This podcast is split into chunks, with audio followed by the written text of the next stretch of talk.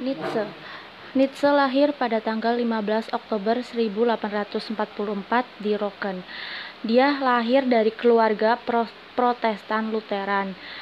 Kenapa dinamakan Friedrich Wilhelm? Karena Nietzsche lahir lahir hari lahirnya itu sama dengan seorang raja Prusia yang dihormati pada masanya. Ayah Nietzsche seorang pastor Lutheran. Ayahnya itu berharap anak sulungnya atau Nietzsche menjadi pendeta. Pada usia lima tahun, pada tahun 1849 ayahnya meninggal, lalu Nietzsche tinggal di lingkungan keluarga ibunya yang rata-rata perempuan. Pada tahun 1850, adik laki-laki Nietzsche yang bernama Joseph juga meninggal. Teman-teman di sekolahnya menjuluki Nietzsche sebagai si pendeta kecil. Pada tahun 1854, Nietzsche masuk di gimnasium di kota Naumburg, namun empat tahun kemudian ibunya meminta belajar di sebuah sekolah asrama di Lutheran. Pada tahun 1864, studi di Universitas Bonn.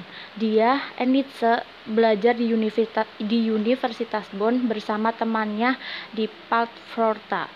Pada tahun 1865, Nietzsche belajar filologi di kota Leipzig di bawah bimbingan Profesor Ritschl. Pada tahun 1860 1867 studinya terputus karena dia diminta untuk menunaikan wajib militer pada tahun 1869 oleh Ritzel Nietzsche diminta untuk menjadi dosen di Universitas Basel. Pada usia 24 tahun tapi Nietzsche belum belum meraih gelar doktor antara tahun 1873 sampai 1876, Nietzsche menerbitkan empat buah isai dengan satu judul umum yang berjudul Kontemplasi-Kontemplasi Tak Aktual. Pada tahun 1876, Nietzsche menerbitkan esai keempat berjudul Richard Wagner in Beirut yang berisi tentang musik-musik Wagner. Pada tahun 1870, Nietzsche mengalami sakit disentri dan difteri. Sakit mata dan kepala semakin parah sejak tahun 1875. Serangan yang paling parah terjadi pada tahun 1879 sehingga ia berhenti mengajar. Sedangkan pada tahun 1872, Nietzsche menulis buku yang berjudul The Birth of Tragedy Out of the Spirit of Music.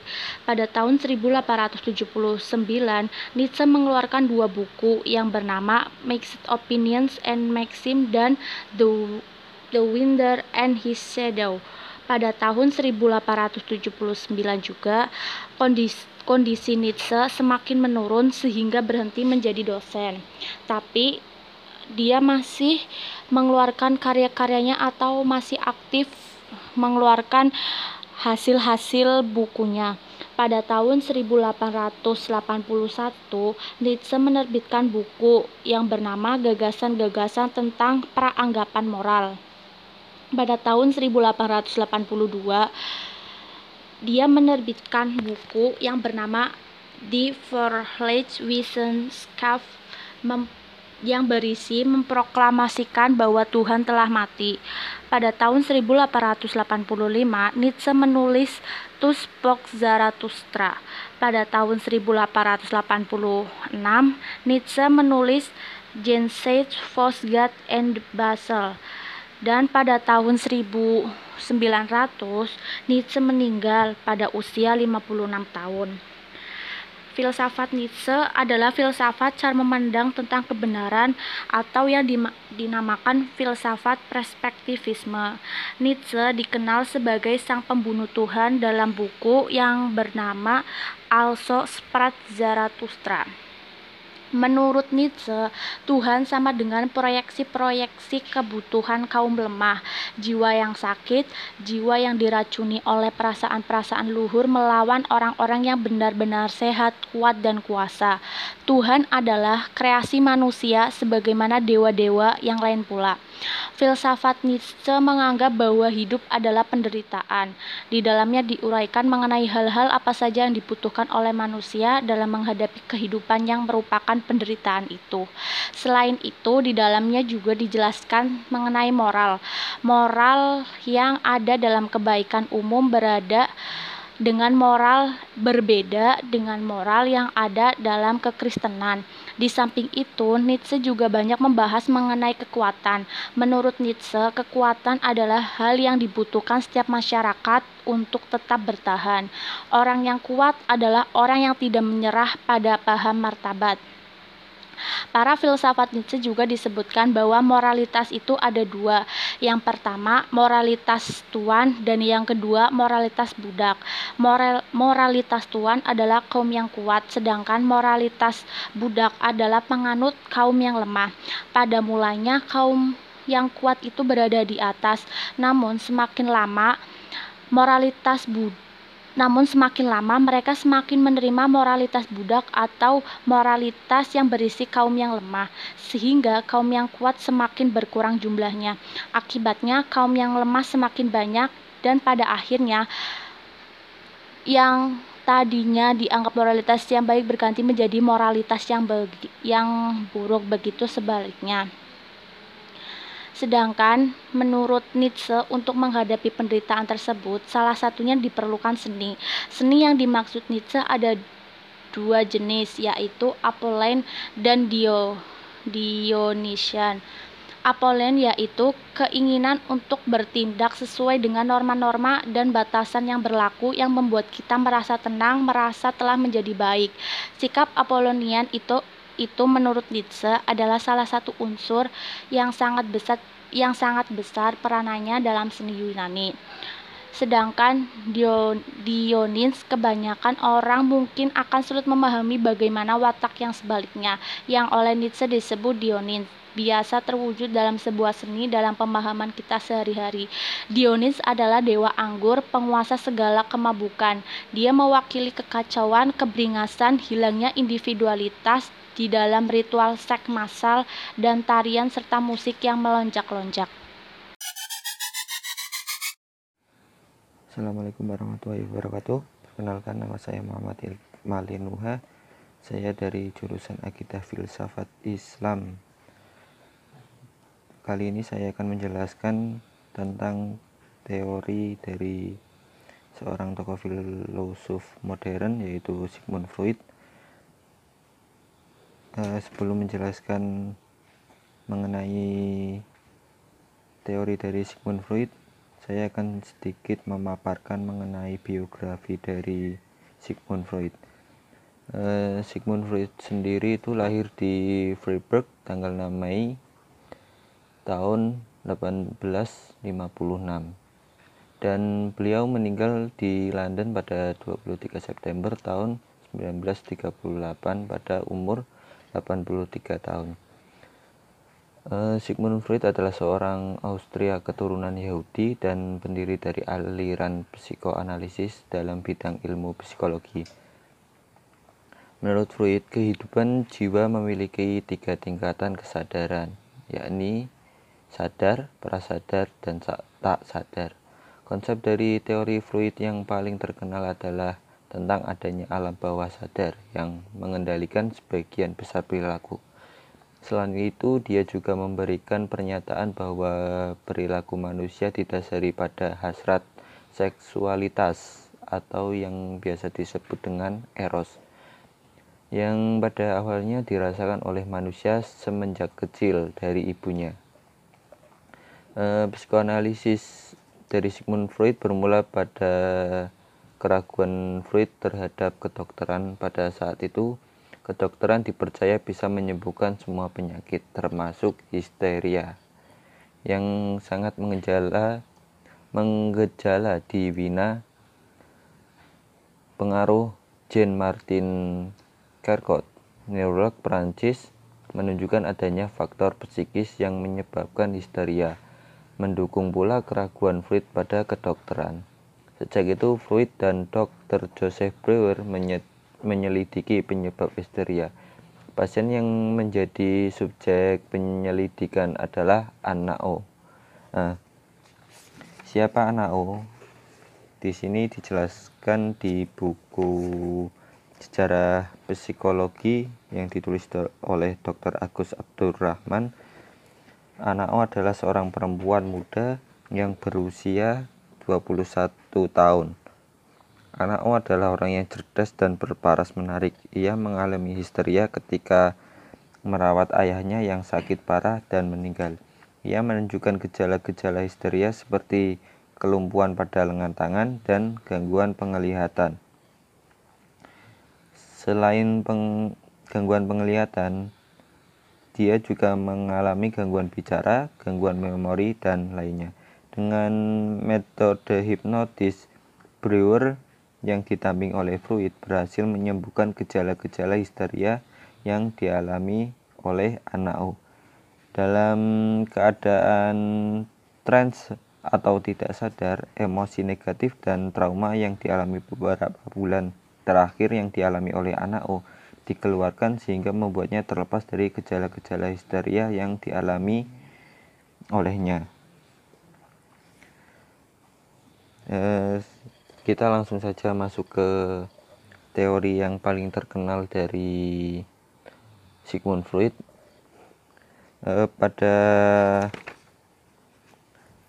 abad ke-20-an Freud dianggap sebagai tokoh yang paling berpengaruh ya eh, terutama tokoh dari psikolog ada satu teori ada ada sebuah struktur kepribadian yang disusun oleh Sigmund Freud struktur kepribadian tersebut merupakan salah satu konsep penting dalam psikoanalisis Freud eh, struktur kepribadian tersebut dianggap berpengaruh besar terhadap keunikan dan bagaimana seorang berperilaku.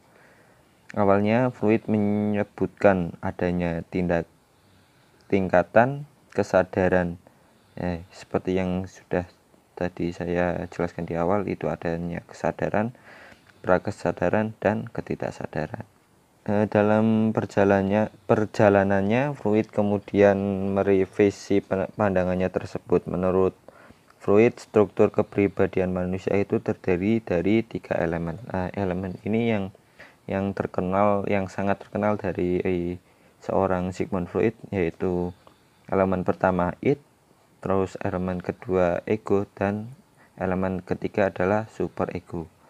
Ketiga elemen tersebut satu sama lain saling berkaitan dan terus-menerus mengalami konflik kemampuan kita dalam menjaga keseimbangan di antara ketiga elemen tersebut akan berpengaruh terhadap kesehatan mental.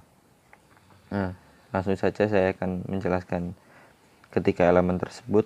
Yang pertama yaitu it it itu berasal dari kata Latin ya, yang berarti it atau das ist dalam bahasa Jerman, ini merupakan salah satu elemen dari sistem kepribadian Freud yang merupakan sumber dari segala dorongan dasar. Nah, dorongan yang bersumber dari it tersebut sifatnya itu masih primitif. E, primitif di sini dimaknai sederhana dan tidak disadari, seperti lapar, haus, dan seks, serta selalu berupaya untuk dipenuhi. Nah, e, menurut Freud it, ini itu sebagai rancangan yang tersusun dalam pikiran. Nah, seperti lapar, haus, dan seks itu sudah tersusun dalam pikiran kita karena manusia itu tidak bisa lepas dari yang namanya lapar, haus, dan seksualitas. Nah, terus elemen yang ketiga yaitu super ego merupakan bagian dari elemen kepribadian yang berisi norma-norma sosial yang yang sudah terinternalisasikan dalam diri seseorang yang diperoleh dari keluarga maupun masyarakat. Finneking itu pernah menjelaskan bahwa superego pun menuntut ego untuk merealisasikan keinginan-keinginannya, seperti halnya it. Tuntutan superego pun kadang tidak realitas, tidak rasional, bahkan tidak mungkin. Yang membedakan it dan superego adalah adanya prinsip yang digunakannya. Jika it menggunakan prinsip kesenangan semata, superego itu menggunakan sebaliknya yaitu prinsip kesempurnaan atau morality principle. Tidak heran jika dorongan it dan superego itu selalu bertentangan. Terus yang terakhir itu yaitu ego. Nah, ego atau das it dalam bahasa Jerman itu berarti aku. Merupakan center of organization and integration diri seseorang e-, ego pun merupakan pusat dari kepribadian seseorang. Fungsi dari ego tersebut adalah menjaga keseimbangan kepribadian dengan memperhatikan dorongan id dan harapan dari superego. Dengan memperhatikan tuntutan realitas, ego kemudian berusaha mencari solusi dalam mengatasi tuntutan id dan superego. Melalui adanya kompromi, penundaan atau substansi, proses ini kemudian disebut dengan secondary process thinking. Ada hal yang membedakan antara primary process thinking dan secondary process thinking. Nah, di sini primary process thinking belum bisa membedakan mana kebutuhan dan mana realitas. Pada secondary process thinking, pemenuhan kebutuhan sudah juga mempertimbangkan realitas yang ada. Seperti pada primary process thinking sulit diakses oleh kesadaran. Sedangkan secondary process thinking bisa diakses oleh kesadaran. Sebenarnya masih banyak ya untuk teori-teori dari Sigmund Freud tapi itu yang paling terkenal dari seorang Sigmund Freud uh, ada sebenarnya kalau dari untuk menjelaskan it super ego dan ego itu bisa digambarkan biasanya digambarkan dengan dengan gunung es yang mengapung di lautan. Nah, it itu posisinya itu di bawah laut. Nah, itu di di apa dipersonalisasikan itu bahwa itu it itu di bawah alam sadar. Sedangkan ego dan super ego itu berada di permukaan sebagian sebagian berada di dalam air dan sebagian di dalam eh di luar air. Uh, itu saja yang dapat saya jelaskan. Semoga berkenan dan membawa manfaat Wassalamualaikum warahmatullahi wabarakatuh. Assalamualaikum warahmatullahi wabarakatuh. Perkenalkan nama saya Muhammad Malinuha Saya dari jurusan Akidah Filsafat Islam. Kali ini saya akan menjelaskan tentang teori dari seorang tokoh filosof modern yaitu Sigmund Freud. Uh, sebelum menjelaskan mengenai teori dari Sigmund Freud, saya akan sedikit memaparkan mengenai biografi dari Sigmund Freud. Uh, Sigmund Freud sendiri itu lahir di Freiburg tanggal 6 Mei tahun 1856 dan beliau meninggal di London pada 23 September tahun 1938 pada umur 83 tahun. Uh, Sigmund Freud adalah seorang Austria keturunan Yahudi dan pendiri dari aliran psikoanalisis dalam bidang ilmu psikologi. Menurut Freud, kehidupan jiwa memiliki tiga tingkatan kesadaran, yakni sadar, prasadar, dan tak sadar. Konsep dari teori Freud yang paling terkenal adalah tentang adanya alam bawah sadar yang mengendalikan sebagian besar perilaku.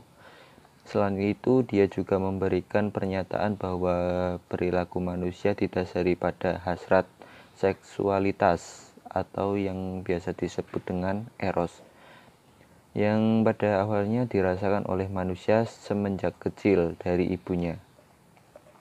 E, psikoanalisis dari Sigmund Freud bermula pada keraguan Freud terhadap kedokteran pada saat itu. Kedokteran dipercaya bisa menyembuhkan semua penyakit termasuk histeria yang sangat mengejala menggejala di Wina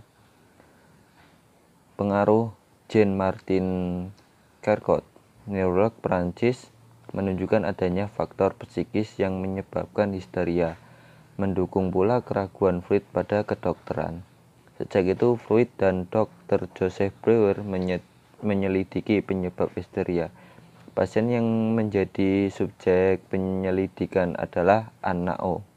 Nah, siapa anak O?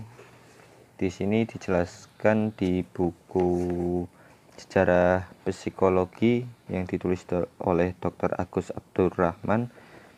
Anao adalah seorang perempuan muda yang berusia 21 tahun. Anao adalah orang yang cerdas dan berparas menarik. Ia mengalami histeria ketika merawat ayahnya yang sakit parah dan meninggal.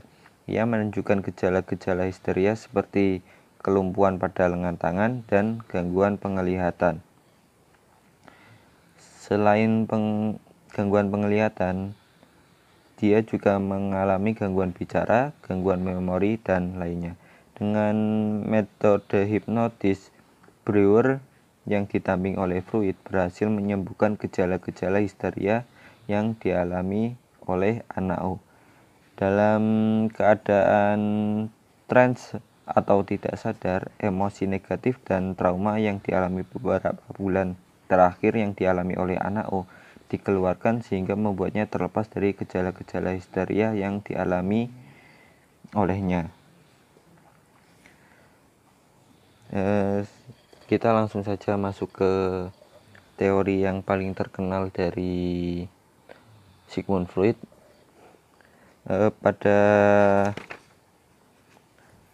abad ke-20-an Freud dianggap sebagai tokoh yang paling berpengaruh ya eh, terutama tokoh dari psikolog ada satu teori ada ada sebuah struktur kepribadian yang disusun oleh Sigmund Freud struktur kepribadian tersebut merupakan salah satu konsep penting dalam psikoanalisis Freud eh, struktur kepribadian tersebut dianggap berpengaruh besar terhadap keunikan dan bagaimana seorang berperilaku. Awalnya Freud menyebutkan adanya tindak tingkatan kesadaran eh, seperti yang sudah tadi saya jelaskan di awal itu adanya kesadaran, prakesadaran dan ketidaksadaran. Eh, dalam perjalanannya perjalanannya Freud kemudian merevisi pandangannya tersebut menurut Freud, struktur kepribadian manusia itu terdiri dari tiga elemen. Nah, elemen ini yang yang terkenal, yang sangat terkenal dari eh, seorang Sigmund Freud, yaitu elemen pertama id, terus elemen kedua ego, dan elemen ketiga adalah super ego. Ketiga elemen tersebut satu sama lain saling berkaitan dan terus-menerus mengalami konflik kemampuan kita dalam menjaga keseimbangan di antara ketiga elemen tersebut akan berpengaruh terhadap kesehatan mental. Nah, langsung saja saya akan menjelaskan ketiga elemen tersebut. Yang pertama yaitu it it itu berasal dari kata Latin ya, yang berarti it atau das ist dalam bahasa Jerman, it ini merupakan salah satu elemen dari sistem kepribadian Freud yang merupakan sumber dari segala dorongan dasar. Nah, dorongan yang bersumber dari it tersebut sifatnya itu masih primitif. E, primitif di sini dimaknai sederhana dan tidak disadari, seperti lapar, haus, dan seks, serta selalu berupaya untuk dipenuhi. Nah, Eh, menurut Freud it, ini itu sebagai rancangan yang tersusun dalam pikiran. Nah, seperti lapar, haus, dan seks itu sudah tersusun dalam pikiran kita karena manusia itu tidak bisa lepas dari yang namanya lapar, haus, dan seksualitas. Terus elemen yang ketiga yaitu superego merupakan bagian dari elemen kepribadian yang berisi norma-norma sosial yang yang sudah terinternalisasikan dalam diri seseorang yang diperoleh dari keluarga maupun masyarakat. Finneking itu pernah menjelaskan bahwa superego pun menuntut ego untuk merealisasikan keinginan-keinginannya, seperti halnya it. Tuntutan superego pun kadang tidak realitas, tidak rasional, bahkan tidak mungkin. Yang membedakan it dan superego adalah adanya prinsip yang digunakannya. Jika it menggunakan prinsip kesenangan semata, superego itu menggunakan sebaliknya yaitu prinsip kesempurnaan atau morality principle. Tidak heran jika dorongan it dan superego itu selalu bertentangan. Terus yang terakhir itu yaitu ego. Nah, ego atau das it dalam bahasa Jerman itu berarti aku. Merupakan center of organization and integration diri seseorang e, ego pun merupakan pusat dari kepribadian seseorang. Fungsi dari ego tersebut adalah menjaga keseimbangan kepribadian dengan memperhatikan dorongan id dan harapan dari superego. Dengan memperhatikan tuntutan realitas, ego kemudian berusaha mencari solusi dalam mengatasi tuntutan id dan superego. Melalui adanya kompromi, penundaan atau substansi proses ini kemudian disebut dengan secondary process thinking. Ada hal yang membedakan antara primary process thinking dan secondary process thinking. Nah, di sini primary process thinking belum bisa membedakan mana kebutuhan dan mana realitas.